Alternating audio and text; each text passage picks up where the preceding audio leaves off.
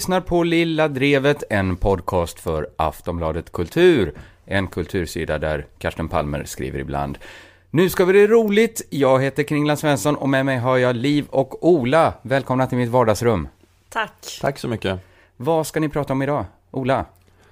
Det är äntligen dags att prata om vinster i välfärden Aha. i Lilla Drevet. Och vi, tar... Vi ska hoppa på den trötta bollen vi också. Mm, kommer vi ta ställning? Va, va, vara på den trötta bollen. Man hoppar inte på en boll. Man står som ett, eh, som ett sånt sjölejon och gör konster på den bollen. Liv, vad ska Ja. du prata om? Eh, Jag ska prata lite grann om eh, eh, Guldbaggegalan och även om Belinda Olsson. Aha, Belinda Olsson. Spännande. Historia. Svårt att ha en åsikt, tycker jag. Eller lätt för många. Ja, ja. Ett problem tror jag att, den, att det har hetat eh, Fittstim min kamp. För det, det känns som att det var så länge sedan som Belinda liksom var Fittstim. Eller hon var det kanske en månad på, på 90-talet. Och sen efter det så har hon liksom bara hängt med ett annat gäng som har varit det här eh, debattgänget i så många år. Och blivit Just mer det. inspirerad av, av något annat. Typ att vara bara en gaggig svenne. Så det, jag tror det, det hade varit bättre om den bara hade hetat så här, eh, gaggig svenne min kamp. Mm. Ja. För det hade inte varit så missvisande. Då de bara jaha, det är bara en gaggig svenne som går runt och är så här, hen, men vad är det? Det är ju jättekonstigt. Ja, Det är nä- inte. nästan helt obegripligt att Belinda Olsson inte ville kalla den Gagge Svenne, min kamp. Eh, och eh, Guldbaggegalan, roligt, roligt. Eh, storslam för Anna Odell och hennes svenska remake, remake heter det, på 80-talskomedin Revenge of the Nerds. Det var kul för Anna Odell. Tråkigt att Sissela Kyle och Kalle Norlén kom ut som rasister bara. De hade slagit sina påsar ihop och kommit fram till att Kodjo Akolors namn innehåller ordet färg på engelska, om man uttalar det fel. Och ni vet hur det är, där man uttalar namn fel kommer man snart bränna människor. Så kritiken lät inte vänta på sig. Det som är tråkigt, tycker jag, är att man helt glömde bort hur jävla roligt skämtet var. Alltså.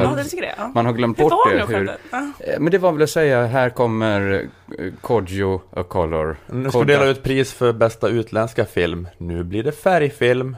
Här kommer han, Kodjo Akollor. Precis, det Så var inte rasistiskt, det var ju svinkul egentligen. Man Ja. slog sig för knäna. Men jag blev så förvirrad också för att någon producent för Guldbaggen gick ut och sa Förklara att vi syftade inte alls på Kodjos hudfärg utan vi, vi pratade om Kodak. Ja, Alltså men det han- var ju att, att de tyckte att hans namn lät som Kodak Color. Eh, så här, vad, vad, vad sa du att det hette? Kodjo? Akko? Nej, vad, hur lät det? Så heter det Kodak Color? Det var, den, det var det skämtet. Men är det en referens alla har? Kodak Color? Nej, det var ungefär som ingen människa har. Nej, och också Kodak till Kodjo. Ja, jag vet inte. En bättre referens är den där A Kodak Moment, eller hur? Det, det kommer man ändå Ja, ja, ja, ihåg, den absolut. reklamen. Då skulle det kunna vara så här, A Kodjo Moment. Ja, men Jobba, jobba lite. Ja, men du jobbar, du jobbar, du jobbar gratis åt Kalle Norlén just nu. Men om man älskar att göra en ordvits. Men ja, nej skitsamma. Är det inte också konstigt att ha referensen färgfilm? Alltså det var ett skämt vi hade när jag var lite yngre, att man sa så, jag köpte en ny färg-tv.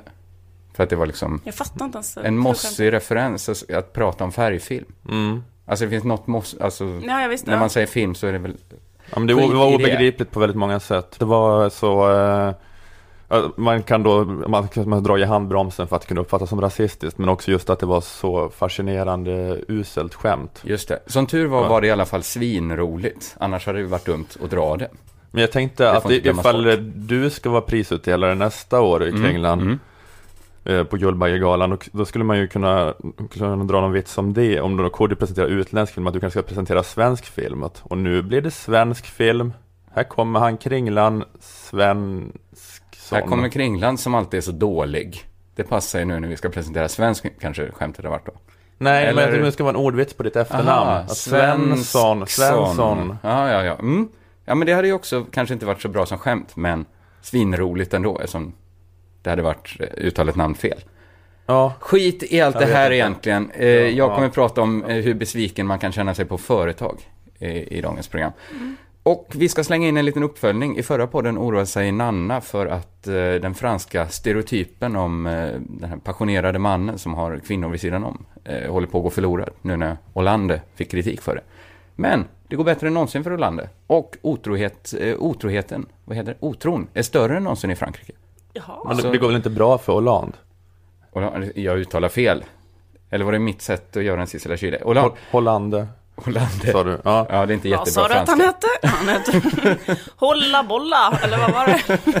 För konstigt namn. Här är en som kan hålla andan. Välkommen Frankrikes president. Så hade det varit om Kalle Norén skrivit de mer, här eh, Lilla Drevet-manusen. med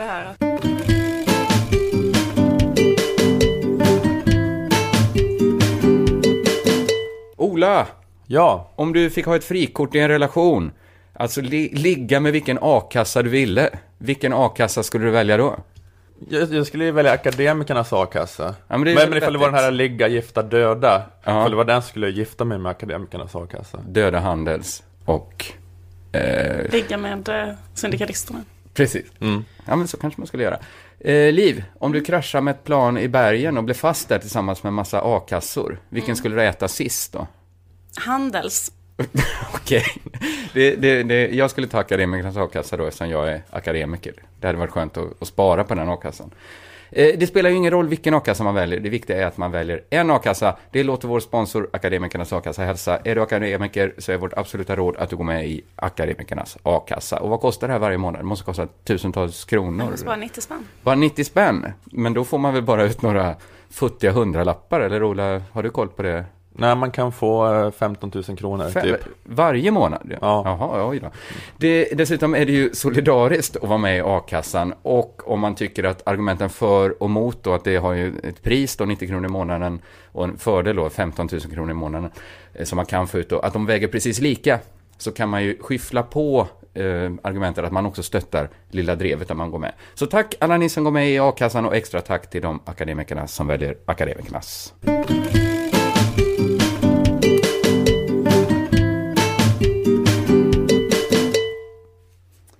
Ja, vi ska prata om vinster i välfärden nu. Mm. Vi har, Härligt. vi har hållit oss undan det lite i Lilla Drevet. Har vi verkligen det? Inte någon medveten strategi kanske, men det har blivit så. Nej, nej, jag har inte pratat mycket om vinster i välfärden. Nej. Jag pratar så mycket om det på min fritid så jag tänker ibland när jag jobbar att jag tar en paus. Ska det vara tillåtet för privata företag att eh, ta ut vinst ur skattefinansierad välfärd? Ja, säger vissa människor eh, och dessa människor kallas politiker. Eh, för det har ju varit en speciell fråga på så vis. Att politikerna är extremt opopulistiska när det gäller inställning till vinster i välfärden. Ja, det är fascinerande. Just det. Så all ängslighet och opinionskänslighet de kanske annars känner är helt bortblåst. För att det är en så jävla viktig princip. Spelar ingen roll att alla andra är emot. Nej, det är så viktigt så man kan inte rådfråga magen. Vad säger magen om det här? Att ta ut liksom, vinst på, på sjuka människor. Magen säger ju nej. Men det Nej. här, det här är så viktigt som man får fråga huvudet. Ja men också att man, vi är redo att gå, gå till botten med den här frågan. Det spelar ingen roll att alla andra hoppar av skeppet. Vi Då tänker de- stå kvar här och vara för vinst. Men det är liksom, ja precis, det är liksom, man har slutat vara hela den här grejen så här, vi ska lyssna in, vi lyssnar på Dabas, hela den grejen. Nu är det mycket mer så här, vi är Platons filosofiska kungar helt plötsligt. Ja just det. Det är så här intellektuell eh, styre. Mm. Men ja, för det är ju så att det är inte bara vänstermänniskor som är emot. Också en majoritet av de borgerli- borgerliga väljarna är Aha. emot det här. Alltså också 100% av de som röstar på Moderaterna tycker att människor som delar ut skattepengar avsedda för att anställa en skolkurator, att de delar ut de pengarna som finns, att de människorna som gör det ska skickas till Gulag. Tycker 100% av alla moderatväljare Jättehög, jättehög siffra. enligt SIFO typ. Eh, och så här har det varit, men på senaste har det faktiskt det här eh, då vinstmotståndet också börjat få lite fäste bland politikerna. Den här sista bastionen, politikerna. Det har varit lite sådana vindar. Att Miljöpartiet beslutade att de var typ emot på sin kongress. Kanske ni hörde om. Eh, Folkpartiet har också pratat om, om att man ska förbjuda i alla fall riskkapitalister att ta ut eh, vinst eller, eller att bedriva välfärd. Eh, Och framförallt har fackföreningsrörelsen, LO och Kommunal försökt driva på sossarna i en mera vinstfientlig eh, riktning. LO beslutade på sin kongress i maj att de ska verka för non-profit. Ej vinstuttag ur skattefinansierad välfärd. Men det man kunde läsa i DN i måndags var att nu är LO för vinst igen. Ja, Aha. det var kort. Det var en kort men lycklig tid. När LO var emot. Ett halvår. Ett halvår av lycka. Ja, Jag, jag beror märkte av ser det det. riktigt. Men för nej, att kanske nej att jag- livet pågick väl som vanligt ungefär. Livet är det som pågår medan LO det- vacklar i att- vinster i välfärdsfrågan. Blev mackorna godare under det här halvåret? men det är så att när man är lycklig, det är de, då märker man inte att man är lycklig. Det är först när man har blivit olycklig som man, man kommer ihåg det. Då, det, då var jag lycklig. Ja, just när det. LO var mot vinster i välfärd. Ja, just det. Det är bara allt, allt är på sin plats, så man bara tar det för givet. Ja, får- Lycka är ju bara som luft. Ja, men om man håller på, man kanske mä- märker ut lite varje dag hur man känner sig lycklig och ritar upp en graf. Då kanske man kan bläddra tillbaks nu i blocket och se om man verkligen var lycklig för ett halvår sedan. Det tror vi väl. Det var man väl då. Ja. Eh, ja, Jag precis. känner mig i alla fall liksom markant mycket mer olycklig när jag läste det här. Ja, men det var en intervju i DN, Tobias Baudin, vice ordförande för LO, säger att det är okej med någon slags vinst och att de vill hitta en förhandlingskompromiss med motparterna. Eh, Det står så här, LOs kursändring beror enligt Tobias Baudin på de samtal han och andra i LO-ledningen fört med olika aktörer i välfärdssektorn. Då fattar man ju vad som har hänt. Det är lobbyisterna som har kommit åt dem. Välfärdsföretagens lobbyister, de har bearbetat LO-ledningen. Och man, alltså, vi måste ju förstå att LO-ledningen, det är ju bara enkla landsortsgrabbar. Och en och annan landsortstjej kanske. Vanliga metallarbetare från någon håla som skickats till Stockholm för att representera. De går runt där i en kostym med dålig passform och känner sig obekväma och lite rädda. När det då dyker upp en fin herre från Attendo Care eller Academica, de är ju chanslösa. Akademedikakaka. Academedicaka. Ja men vet, det kommer en fin herre i sidenskarf och säger god dag. Och har, jobbar på ett företag som heter något på latin. Bjuder på konjak och på cigarrer. Ja, och hemma går ens pappa och kallar sig kejsaren av Portugalien. Ja, precis. Håller på och drömmer om apelsinträd. Deras scarf är av ett så mjukt material som man har aldrig vetat att det fanns ett så mjukt material. Nej. Det känns som att klappa på moln. Ja, precis. De kommer med den här scarfen, de trycker Tobias Baudins hand, dunkar honom i ryggen och säger kanske Tjenare Tobbe, broder, nu ska vi ut och äta. Ta med honom på buffé på Pizza Hut. Alltså Tobbe har ju aldrig sett något liknande. Får man ta hur många bitar man vill? Absolut Tobbe, it's on me. Säg till om du vill ha refill på läsken också. Tobbe är en enkel landsortsgrabb. Det är klart att han faller. Alltså innan mötet har han ju tänkt sig, jag får absolut inte glömma vad jag lovade gubbarna på kongressen. Inga vinster i välfärden. alla LOs medlemmar. Men när han hamnar i den här situationen, obegränsat med pepperoni och hawaii och capricciosa, det är klart att han blir förförd. Alltså han är ju lika chanslös som den här senildementa miljardären som blev uppraggad av Ann Nicole Smith. Eh, De hade något fint. Snacka inte skit om det. Du vet ingenting om de hade det, Ola. Nej, jag vet faktiskt ingenting om det. Eh, Agenda hade ett reportage i vintras om välfärdslobbyister, om hur de jobbar då för att få över makthavare till sin eh, sida, till den här vinstpositiva sidan. Jag försöker eh, träffa dem, luncha med dem, försöker säga att när ni är emot vinst i vården är ni, är ni även emot sådana som oss. Ja, vad ska Tobbe säga när det sitter en raffig Stockholmslady mitt emot honom och säger att är du emot sådana som mig? Alltså, Nej. Precis innan hon frågade jag ju Tobbe klagat på att soppan är kall, var på hovmästaren och svarat eh, det är gazpacho. Så alltså Tobbe är ju redan svag. Och då säger hon, är du emot sådana som mig Tobbe? Tobbe tittar ner i bordet och säger nej.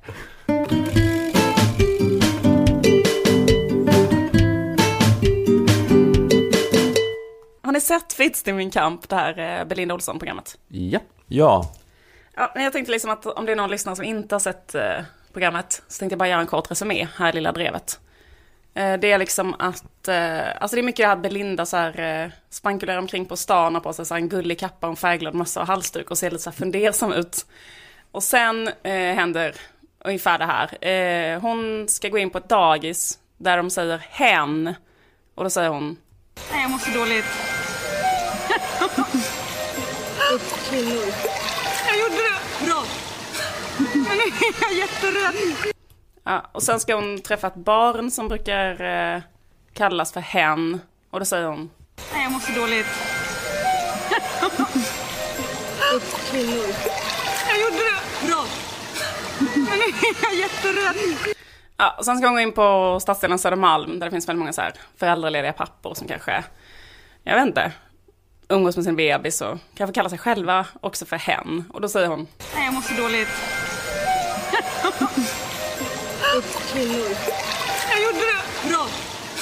Men nu är jag jätterädd. ja, många tyckte att det här programmet sög. Mm, jag såg det, det liksom exploderade på Twitter. Ja, Eh, i, folk trumfade varandra och tyckte det var dåligt. Det har skapat arbetstillfällen bland åsiktspersoner. Ja. Jag, läst, jag har läst 800 debattartiklar om det här programmet. ja. Och jag har bara läst kanske en promille av kanske alla som på finns. ytan. Ja.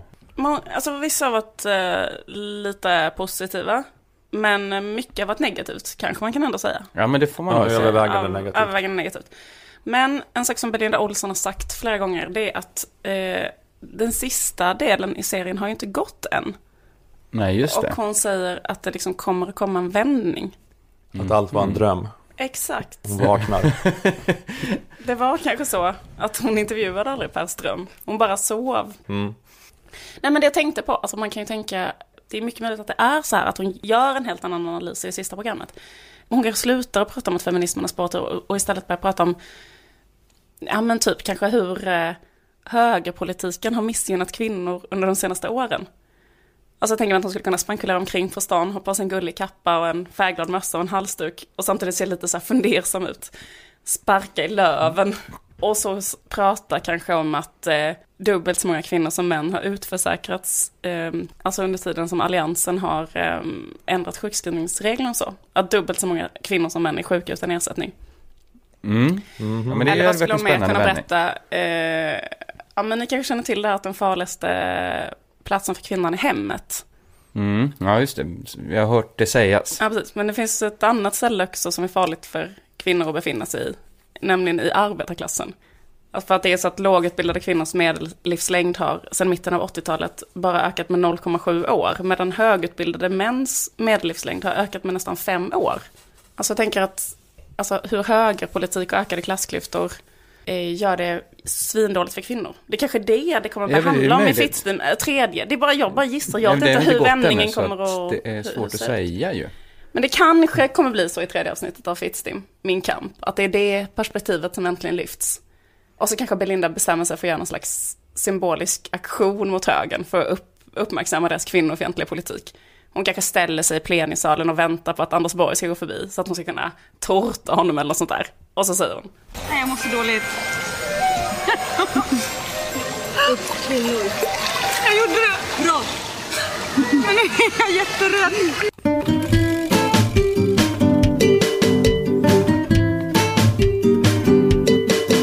Eh, ibland blir man ju så himla besviken på storföretag. Mm. Det har ni säkert känt någon gång, den besvikelsen man kan få. Eh, för ett tag sedan kunde man ju läsa om, eh, faktiskt på Aftonbladet Kultur, att Coca-Cola gjort en reklamfilm med ett bögpar i. Hurra, sa alla. Eh, nu år 2014 är det inget konstigt med två män som delar en flaska läsk. Sen kom chocken, den reklamen gick bara ut i homovänliga länder, som Sverige, Bögistan och Belgien. I till exempel den irländska versionen av reklamen så var bögarna bortklippta. Och nej, sa alla då, som hade satt sin tilltro till den homosexuella eh, rörelsens kamp på Irland till Coca-Colas marknadsföringsavdelning. Hur ska folk någonsin kunna ta bögarna, lesbianerna och alla andra i det gänget på allvar nu? Om Coca-Cola sviker där de behövs som bäst. Coca-Cola borde ju vara som Läkare Utan Gränser, vara, de, vara där nöden är som störst. Till exempel bland hbtq-personer på Irland. Eh, ett par månader innan dess kunde vi läsa om eh, Barillas styrelseordförande, kommer ni ihåg det? Guido Barilla. Mm. Det är lätt att komma ihåg eftersom han heter som en pastasort. Det var inte därför han var i blåsväder, utan för att han sa att eh, i deras reklamfilmer, Barillas, så kommer inga regnbågsfamiljer någonsin få synas. Så det var ju ord och inga visor. de är inte välkomna att Det var ju typ köpa också... hans pasta. Men Nej. han sa just att han, han gillar kärnfamiljen väldigt mycket. Han gillar älskar att mamma kärnfamiljen. pappa. Eh, Och det är det Barilla står för, att de gillar det. De gillar mamma och pappa. Ja. och, mam- och barn Mm. och pasta. Eh, bögar kan äta annan spaghetti, sa han också. Det kändes lite som att han sa det här, inte direkt på någon fråga, utan det var något han kände verkligen att vi, vill inte, vi gillar inte bögar. Eh, Men, men för det är ju också, jag förstår det här lite med Coca-Cola då, att de, eh, ja, ja, det är rent så här marknadsmässigt, de vill bara sälja mycket läsk. Och då är det Ja. ju dumt att ha ett bögpar i länder som är väldigt homofientliga. Men den här Barilla-grejen, alltså de har ju förmodligen tappat jättemycket försäljning. Det var ju så här bojkottsvåg i Sverige då till exempel. Men jag tror det finns många i till exempel eh, homofientliga länder då som uppskattar det här starka statementet. Fast köper de ännu mer pasta för det? För att jag, jag tänker Det ändå tror att jag. Det tror jag. ja, men jag läste på Barillas svenska Facebook-sida där folk eh, skrev och tackade för deras, eh, att de inte var som, eh, så indoktrinerade som Nej. resten av PK-Sverige. Så att de ville köpa mycket mer, även i Sverige, som är ett av de homovänliga länderna. Tänkte på kolhydraters, eh, många menar ju att kolhydrater är numera att man blir jättetjock av det. Men skulle, kommer man i framtiden kunna känna igen homofober på att de rultar fram på gatan för de äter så mycket pasta? De misslyckas så med sina GI-dieter. jag kan Folk inte hålla som på är- med GI för att jag är homofob. Ja, så att jag måste medan- stödja äta Barilla.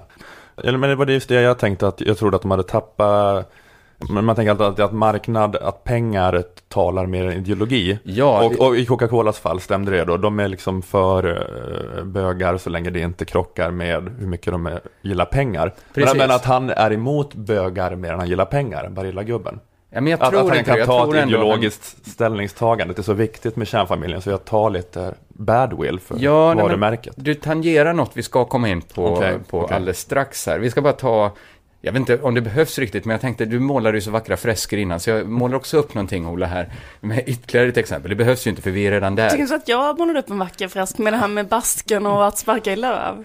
Jo, det var underbara bilder det också, såklart. Men det var Frä, fresk ett starkt ord. Det var en bild. det var inte en fresk. Det jag gjorde var en fresk. Det du gjorde var en fresk. Det, det, Liv gjorde, en bra, du, Liv gjorde en bra bild, absolut. jag broderar mest ut. Ja, skit i det. Skit i jag vill det. höra nu. Eller vill, ja, okej, jo, men Ja, jag säger vi får bara påminna folk om att detta är radio, även om det kanske är väldigt starka bilder. Man tror att man är på någon 3D-bio när man lyssnar, för bilderna är så starka. Ja, just det. Det är Eh. sådär folk som eh, trappar ner från att ta syra kan lyssna på Lilla Drevet för att det är sådana Det är väldigt starka bilder, väldigt ja, starkt. Och starkare ska bli nu med ett tredje exempel jag har här på dålig stil som företag ägnar sig åt. 2012 blev ett himla liv när Ikea retuscherade bort alla kvinnor i sina saudiarabiska möbelkataloger. Just det. Vad är det här? sa man i Saudiarabien. En helt vanlig möbelkatalog. Dålig stil, sa vi i Sverige. Här hade vi tänkt att Ikea skulle gå i bräschen då för kvinnors befrielse i Saudiarabien, ett land där kvinnor inte får köra bil. Där borde det väl i alla fall finnas möbelkataloger med bilder på kvinnor som får köra bil, som står och borstar tänderna. I något av Ikeas alla prisvärda badrum. Eh, man kan fortsätta så här med ett exempel då, men då är väl fresken målad. Jag behöver inte berätta mer om olika multinationella företag som gjort saker som kanske inte rimmar med våra värderingar. Eh, företag som gjort en besviken. Men, men jag tyckte, Ola, du, du tog oss in på något bra här. Vi, vi, jag hade inte behövt gå, gå omvägen runt Ikea. För jag tror att liksom det här att man blir besviken är för att man placerar en moral och schyssta värderingar på företag. Men jag tror det är som du säger att ett företag kan ju varken ha moral eller värderingar. Lite det som är, är grejen med ett företag, att man kan inte bli besviken på företag, även om det verkar som att folk faktiskt ställer moraliska krav på företag. För ett företags uppgift är ju att dra in pengar till sina ägare. Jag tror faktiskt att Barillas, eller Barillas uppgift är ju att sälja spaghetti. Mm. Eh, Även om de skriver på sin Facebook-sida att deras eh, mission är att bygga närmare relationer till familjer och vänner. Men min teori var det, jag tänkte att där var de ideologiska, för jag tänker att de kan inte tjäna ändå på att hetsa mot Men jag tror homosexuella. man, man tjänar i det långa loppet på den typen av storytelling, att man berättar att vi är ett familjeföretag som Okej. alltid stått för det här. Så att jag tror det är ett långsiktigt eh, varumärkesbyggande mer det handlar om, att hata bögar. Ja, just det. Precis. De kanske förlorar slaget, men de vinner kriget. Ja, precis. Likaså. Coca-Colas hemsida är liksom en orgie i olika visioner. Det är som att det är deras prio ett är hållbar tillväxt och samhällsansvar. Prio två, att sälja sockrat vatten. De vill liksom förfriska världen till kropp och själ. Eh, och de liksom, på hemsidan hjälper de till. Det här har inte så mycket med saken att göra, men jag tyckte det var lite intressant. Man kunde klicka och se att de hjälpte en att avfärda vissa myter om Coca-Cola. Myter som du kan bli överviktig av läsk, myten att socker kan orsaka diabetes och myten att socker gör barn hyperaktiva. Den typen av befängda myter. Eh, Coca-Cola har ju inte eh, dassiga värderingar när de inte vill göra bögreklam på Irland. Det är som Ola redan varit inne på, de har ju inga värderingar alls, för det här är ingen person. Det är som att bli upprörd på att ens så här, eremitkrabbor saknar moral för att de inte gör som man säger. Hade det lönat sig med bögreklam så hade de gjort det. För jag tycker det är så konstigt att de som kritiserar företagen samtidigt verkar ha så hög tilltro till företagen. Det är som att de, jag menar, om man tänker sig någon slentrianmässig vänstermänniska ändå vill förmänskliga företag, ge dem en själ, en moral, en gemensam värdegrund. Vänstern tycker att företagen borde kunna lite bättre. Spoiler, det kan de inte. De kan ingenting, för det är inte riktiga människor. På vilket sätt skulle det vara förlåtande typ så här mot allt som så här Coca-Cola har gjort mot mänskligheten hittills och sen bara så här, men titta, det är två killar som hånglar i vår reklam. Ja, jag, precis. Jag, jag, jag skulle känna att jag skulle vilja ha mer, få förlåta Coca-Cola. Ja, men det kanske inte täcker upp helt för att typ skjuta fackombud i Sydamerika. Nej. Att, att ha med två bögar i en irländsk reklamfilm. Eh, mest klassiska storytellingföretaget i Sverige är väl, men det är väl Ikea, Ja. antar jag. Eh, och man måste ju ha liksom köpt hela den här berättelsen om någon småländsk gubbe som täljde en soffgrupp och började sälja den på postorder. Man måste liksom ha, ha köpt det som Gav står på den ett det. mänskligt namn, pratade med den, kallade den, döpte den, älskade den. Och, fortplantade sig med den, skapade små pallar tillsammans med soffgruppen. Och succé. Pallarna andades på dem med sin andedräkt. De, de fick liv. Så och de befolkade jorden efter det. Ja, det är den historien. Det är den historien som Den man måste bra. köpa för att bli besviken på Ikea. Man måste liksom köpa allt som står på deras hemsida, att företaget drivs av sina värderingar och sitt stora intresse för livet hemma. Alltså den delen av livet som man le- lever i sitt hus eller lägenhet. Den delen älskar Ikea. Ja, Det är, det är sällan man märker att, då, att företag är så specifika, eller människor för den delen, är sällan så specifi- specifika att man älskar en del av livet så mycket. Eh, Jag läser vidare. Grundaren av Ikea, Ingvar Kamprad, ville skapa en ägarstruktur som står för oberoende och långsiktighet. Därför ägs Ikea-gruppen sedan 1982 av en stiftelse i, Ned- i Nederländerna. Det har bara med det att göra, det här långsiktighetstänket, den här storytelling-tanken. Eh, Eh, man måste ju verkligen ha köpt det här att Ingvar Kamprad är någon sorts bergatroll som inte gillar att vara rik. Han gillar bara att samla på guld.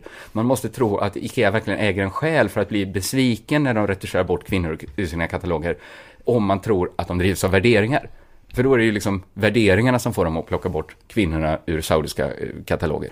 Eh, jag tänkte på den här, den här, han är inte så, det är väl inget household name, men Lawrence Kohlberg, den amerikanska utvecklingspsykologen. jag Han skapade... just nu vem det är. Nej, jag, Mm. jag berättar vem det är, så slipper folk eh, känna sig dumma eh, som lyssnar. Eh, han skapade den moraliska utvecklingstrappan. Han kunde liksom se hur barns moral utvecklades i sex steg. Från att kanske man gör det som är rätt för att man vill slippa ett straff. Och så på den, det är liksom den mest basala nivån. Man är, på någon sorts förmoraliskt stadium, man har inte riktigt fattat vad moral är. Eh, då till det allra högsta, att man, eh, man fattar att det finns vissa universella principer om kanske rättvisa, att man måste låta sitt samvete styra. Men ett företag befinner sig inte i toppen av den moraliska utvecklingen. De befinner sig i botten. Ett företag gör ju bara rätt om det gynnar dem, om det leder till fördelar eller om man slipper straff. Rent moraliskt är ett företag ett väldigt dumt och egoistiskt barn. Vi kan inte ställa så sjuka krav på, på företag. Kravet att de ska fatta själva. Då måste man liksom hjälpa företag med förbud om det är så att vi vill att de ska göra rätt. Det är möjligt att man, man skiter i om de gör rätt eller fel. Men ja, vi kan, kan väl kanske sluta i det. Ni gillar väl förbud? Och konsumentmakt. Det var ju, ett annat exempel var ju Max nu. Just det. Ett Ja. aktu- nästan dagsaktuellt exempel va? De eh, uppmanade sina anställda att eh, rösta på Moderaterna. Eller på Alliansen. De varnade för S och V. Ja, precis. Det kommer bli en katastrof för oss. Eh, Vi kommer typ få lägga ner ifall de kommer till makten. Underförstått då att de skulle sparka folk om de inte röstade på, på Alliansen. Nej, Men, då det, men det här var ju ett kanske- stort trauma tror jag för alla, alla Luleå-människor. Jag är från Luleå. Just det, men där är väl Max någon sorts andra vardagsrum. Det är någon sorts livmoder att krypa upp i, Ja, i de, Norrland. all, är de det för är så kallt utomhus? Så man måste vara, i, i liksom, här i Skåne kan vi bara sitta i en park. Ja, men det är också att få, de älskar Max så mycket, alla, alla Luleå-människor. För att det kommer därifrån och det finns sån här eh, David och Goliat-myt om att eh, McDonalds, enda staden McDonalds har varit tvungen att stänga ner en restaurang i är Luleå. Så att Just Max det. konkurrerade ut dem. Men då får vi säga till alla Lulebor att var inte besvikna. Max kan inte bättre. Nej, för att, men det är nog, där är det nog tror jag att, att det är inga som så mycket har gått på att ett företag har själ och moral som att Luleåbor har gått på att Max har det. Att det är, det är en varm socialism bara Max. Det- Det, är inte ett företag. Så. Hälften av talarna på första maj pratar bara, läser bara menyerna från Max och samlar arbetarklassen kring det.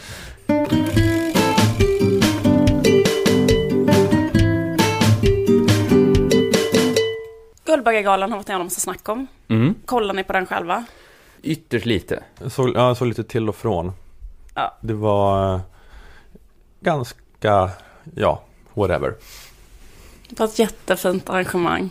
Förutom det här att Hitler hade skrivit Sissela Kyles manus. Det var så en pytteliten miss. Annars hade de gjort jättefint. Man hade gjort jättefina dekorationer. Nu tar du väl i lite grann. Men jag Ja, tänker att vilken fest om man så här gillar 15 år gamla rea-sketcher. För då har man ju underhållningen säkrad i två och en halv timme. Det var faktiskt inte det jag hade tänkt snacka om. Jag tänkte Nej. snacka om en annan grej med, med Guldbaggegalan. Det är ju liksom en gala där man hyllar människor som så här, jobbar i filmbranschen. Vad har, vad har människorna i den här yrkeskåren gjort under året? Och vem har gjort det bra sådär. Har du, du har sminkat fint, finast, du har gjort finast dekorationer, vad heter det? Ja, Ja. ja men Ja, så, det, ja. det, Det är liksom så, det är så den här- fruktansvärt att titta på den anledningen. Var, var, varför vill någon se det? När, man tänker på det. Mm. Att, då, varför skulle jag vilja, jag vet inte, jag fattar inte. Att Det det, har gått bra för tävling. någon under året. Det har gått vill- bäst. Det har gått bäst för någon under året. Varför skulle jag vilja veta det? Det är ju hemsk information. Jag vill inte veta att det har gått bra för någon under året. Och så är de så, ja jag vet inte. Någon människa som är glad och håller ett tråkigt tal. Jag tror du, du är inte helt representativ här, Olle. Men, men det vet jag du vet. säkert. Det är inte, jag, har inte, det, jag har inte riktigt fått mitt huvud runt den här spaningen. På något embyrå. Att jag hatar att det har gått bra för någon under det gångna året. Ja, skitsamma. Det är väl liksom helt okej skulle jag ändå liksom säga. Men Mm. det finns ett inslag, eh, också ett annat inslag i Guldbaggegalan där man uppmärksammar människor inom filmbranschen som har dött under året. Vet ni vad jag menar? Ja, ja. Mm. Det är De en- eh, spelar, någon sjunger en låt och så är det bilder på någon som har dött. Precis. I år var det då Frida Örn som sjöng eh, Many Rivers to Cross. Väldigt bra, vä- väldigt fint, liksom, väldigt stämningsfullt, sjunger jättebra, jättefin låt så här. Eh, och under tiden visar man då i bakgrunden bilder på människor som har jobbat, under, jobbat någon gång i filmbranschen och dött under 2013. Agneta Lagerfelt, Ingrid Backlin, Bengt Lagerqvist, Lasse Björne, Bojan Westin och så vidare. Alltså jag tyckte att det här, jag skrattar inte för att det är liksom, jag bara läser upp nu. Inte, du kan säga... Kan, kan Du skrattar inte för att du hatar Bojan Westin. Nej, jag skrattar inte för att jag hatar Bojan Westin. Jag skrattar för att det, det kändes komiskt när jag började läsa så här. Eh, just det, sen zoomar de in eh, liksom Börje Ahlstedts ansikte direkt i publiken.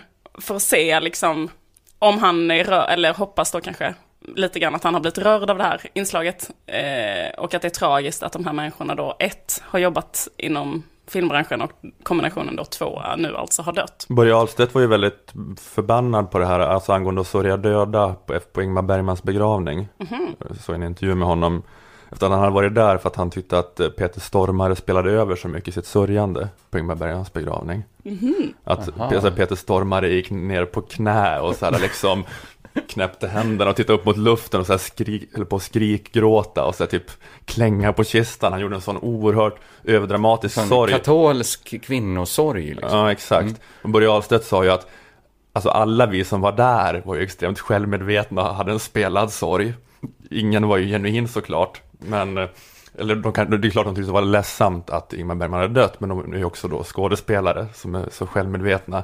Men att, hans, han, med att han hade en mycket värdigare act när han sörjde där, att han var extremt sammanbiten och gick så här typ med knutna nävar nästan bara. Alltså till hans försvar kan säga, eller för, eh, till hans försvar kan jag säga att han spelade ju absolut inte över när han blev inzoomad här på Guldbaggegalan. Utan Nej. han såg eh, 100% oberörd ut av de här människornas död. Ja, det är inte heller bra.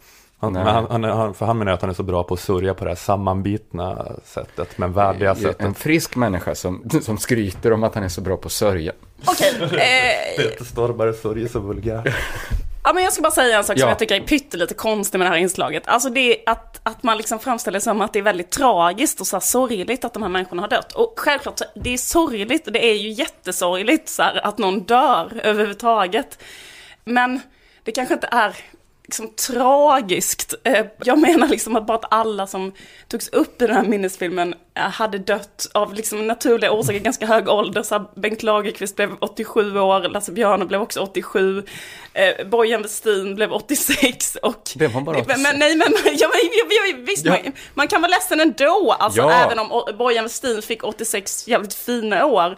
Eh, men är man ledsen över att Bojan Westin har dött vid 86 års ålder, då känner jag att då är det liksom inte Bojan Westin man sörjer, då är det mer att man sörjer att livet är ändligt. Att varför har det ett slut? Och, och det, det kan man ju verkligen tycka är sorgligt. Bara, varför men det är är, det så? sorgligt. Varför måste livet någon gång ta slut? Och vi skulle väl alla vilja liksom att Bojan Westin skulle bli mycket, mycket äldre. Vi, vi skulle alla vilja leva i den världen, liksom där läkemedelsindustrin var så utvecklad så att Bojan Westin kunde hålla sig i liv i liksom 300 år. Ja. Självklart vill vi alla... Jag skulle vilja att Bojan Westin blev tusen år och sen vände hon och gick tillbaks och åldrades baklänges tills hon blev ett ägg. Det som blev en söt liten flicka igen. Ja, men det, det skulle jag också vilja. Men, men nu är det som det är. Och om man utgår från den här, den här, det här stadiet i, i, i tekniska utvecklingen så, så är det ju så att, eh, att livet tar slut. Och de här människorna fick i, i vissa fall liksom eh, väldigt långa liv. Ingrid Backlin blev 93. Agneta Lagerfeld 94. Alltså det jag menar att det inte är orimligt att de dör. Och, Nej. Och det, det är liksom inte det att man vill lägga sig ner på golvet och skrika. Varför? Varför? Varför blev Ingrid Backlin? Varför rycktes hon bort? Men Varför blev Ingrid Backlin bara 93? Nej, Hon det gjorde så ju, bra filmer på 40-talet, det får inte vara så. det tjänar ju ingenting till att sörja. Det är mycket bättre att vi uppfinner en 3D-skrivare så det går att skriva ut nya Bojan Westin. Alltså, vi får väl hoppas på tekniken. Men jag måste bara säga, alltså jag tycker också att det är, eller det är klart att det är liksom, det, det är jättesorgligt så här, att de dör och man, man kan gärna uppmärksamma, eller så här, minnas en människas liv. Det, det tycker inte jag något egentligen, men en sak som jag tycker är lite, lite konstigt, det, alltså i och med att det handlar om en bransch, att det handlar om filmbranschen, att man, eller jag fick i alla fall lite tanken där att om man jämför med en annan bransch, ja men typ som byggbranschen eller så, där det kanske till skillnad från yrkeskårens skådisar ofta är tragiska dödsfall. Alltså, och att det är olika knegarfack, typ IF Metall, som under året har liksom kämpat för att uppmärksamma den här frågan, dödsfall på jobbet. Det har inte blivit så stort. Jag har läst något om det, sett, hört lite grann om det på P4 i något lokal, Borås, något sånt där va. Mm, mm. Men det är ju så att, alltså att det dör cirka en knegare i veckan i Sverige på sin arbetsplats. För att det är ju då surprise mest olika knegarrycken där man dör på sina jobb. Det är sådana här saker som händer knegare en gång i veckan. En lastbilskran välter över en, eh, man blir påkörd av en hjullastare, eh, man får träd över sig när man avverkar skog, eller något liknande. Men då, och då tänker jag så här, det hade väl varit, det hade känts mer relevant liksom att uppmärksamma i- på SVT. Kan de inte visa bara de 54 människorna som dog på sin arbetsplats under 2013 och så kan alla tänka lite på det bara, vad fan, varför är det så att det är så många människor som så här sliter ut sina kroppar och riskerar sina liv när de jobbar? Då menar jag inte filmregissörer. Utan jag menar knegare. Ja men, ja, jag, jag vet inte ifall syftet med den här filmen är att folk ska tycka att det är hemskt att de har dött. Att det är, det är inte så här. Det är det som är den stora luckan i hela mitt resonemang. Nej, Man får, bara, får man bara minnas folk som har dött på något jävla. Jag är de enda- tycker- det är de enda döda man får minnas. jag tycker inte att man ska ha begravningar överhuvudtaget. Jag tycker begravningar är sjukt. Om man Jag inte tycker bara att man ska bli så glad att man vet, så ska kasta ut den döda kroppen genom fönstret. Sen bara aldrig mer prata om den människan. Om det inte är en gruvolycka. Och acceptera liksom- livets gång.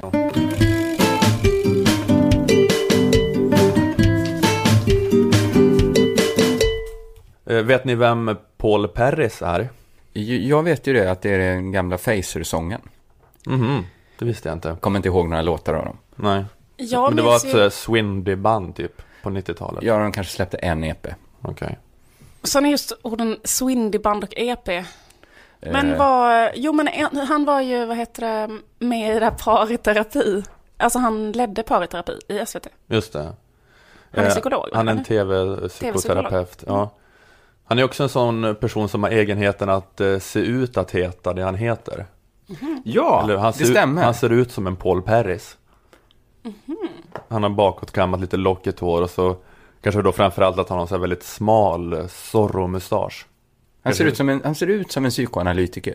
Som heter Paul Perris. Ja. Eller kanske Zorro ser han ut att heta mest. när jag tänker efter.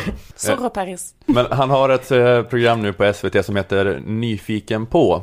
Där han träffar partiledarna i ett möte som ska vara utanför deras trygghetszon. Mm. Hur gör han då för att få, få partiledarna att hamna utanför trygghetszonen? Han låter dem eh, sitta i en terapisoffa och ha ett mera personligt samtal. Jag har ju bara sett Jonas Sjöstedt nu, det var det första avsnittet. Vänsterpartiets eh, partiledare. Eh, Men problemet är ju kanske att det inte blir så mycket utanför trygghetszonen. Nej, för att det är en mysig soffa. Nej, precis. Att Nej. Det är inte så lätt att få liksom en proffspolitiker ur balans under ett valår. Alltså att han Ja, eh, att bara ska bara gå i terapi. Alltså han ska gå i terapi. Det är som att, han, det är som att Jonas Sjöstedt ska gå i terapi i en timme och så ska det tv-sändas. Men det är inte så lätt, det är inte så troligt att Jonas Sjöstedt bara ska bryta ihop så in i helvete och komma ihåg något sjukt barndomstrauma. Nej, men de är Prata om lite... ett Oidipuskomplex, gråta jättemycket. Nej, de får bara för att liksom eh, Paul Perry slutar sig fram och kisar så glöm inte de all medieträning. Alltså bara Nej. för att en partiledare sitter i Paul Perrys terapisoffa kommer den inte få feeling och plötsligt bli Tommy Berggren och så här oombedd börja prata om alla sina otrohetsaffärer. Nej, man kan lugnt visa ett så här Rorschach-test utan att de säger något helt uppåt väggarna. Det där är Auschwitz och det var bra. Jag glömde att jag skulle bara rabbla mitt valmanifest som vanligt. Eller så här, Jag började prata. det här Rorschach-testet påminner mig om när jag var liten och blev avrunkad av den här gubben och tyckte att det var skönt. Men det är liksom... Ja. Ja, det är inga sådana liksom, såna guldklimpar som dyker upp så lätt bara. Men det är ju då ett eh, grepp han håller på med eftersom han är psykoterapeut, är att leta efter avgörande grejer i barndomen. Något som kan förklara att Jonas Sjöstedt blev vänsterpolitiker. Ja. Och du nämnde också inledningsvis att det här när du växte upp och med din dyslexi och så. Eh, att vara partiledare och ha dyslexi. Vad gör det med dig? Den har jag ju kommit över, det kan man säga. Jag, är ju, jag har fortfarande dåligt handstil, det tror jag är liksom en, en restprodukt från det. Men jag har ju skrivit flera böcker till exempel. Ja. Så jag känner att jag är, är liksom förbi det där. Och jag, jag tycker det är jätteroligt att skriva och debattera och, och sådär. Ja, Jonas Sjöstedt nämnde tidigare i programmet att han lärde sig att läsa och skriva ovanligt sent. När han var nio år gammal. Han kan läsa nu. Mm. Han har skrivit flera böcker. Ja, han har kunnat läsa i 40 år. Han borde kanske ha kunnat läsa i 42 år om han hade varit genomsnittlig. Men det är så här, ja, det har ingen avgörande betydelse för hans då värv som partiledare. Nej, Det, det, han det, blev inte det när han var nio, nej. Nej, exakt. Så det, det, jag tänker att det kan vara lite svårt, alltså sådana där små händelser i barndomen, att de ofta kanske inte har så mycket att göra med ens politiska åsikter. Eller jag vet inte. Ja, men det, är ro, det är roligt att Paul Färjestad verkar övertygad om att Jonas Sjöstedt nu i nu realtid inte kan läsa och skriva. Ja, du, ja, du kan inte läsa, det är svårt att vara analfabet och partiledare. Så hoppas han att Jonas Sjöstedt ska säga ja, det är därför jag tagit bort all text i partiprogrammet. Gjort om partiprogrammet till en pekbok. I avsnittet om kapitalism är det bara bild på en gris som jobbar som bankir. Vad gör det med dig? Känner du dig, känner du dig någonsin dum? Att du inte kan skriva bankir som de andra partiledarna? Nej, men jag kan ju rita en gris i hög cylinderhatt och eh, monokel och cigarr. när de har proposition, när de ska liksom underteckna, då alla skriver sitt namn, men det blir i jobbiga stämningen att Jonas Sjöstedt måste göra sitt tumavtryck. Det är klart att det kan påverka lite hur man känner sig. Om man ska debattera skolpolitik också. Att man snackar med Jan Björklund, att man Det känns ännu jobbigare att sitta där och säga så här, jag tycker inte det ska vara läxor, jag tycker inte det ska vara betyg. Själv så Ja, här, kommunicerar jag bara med. det här är då förklaringen till den flumskolan och mot betyg, alltså allt. Det, det, det är det som ligger bakom vänstern, att de driver på för det. Men det inte är så kul att göra läxor om man inte kan läsa och Jonas Sjöstedt- skriva. Jonas Sjöstedt kan inte läsa. Hans trovärdighet är skadad i skolfrågan.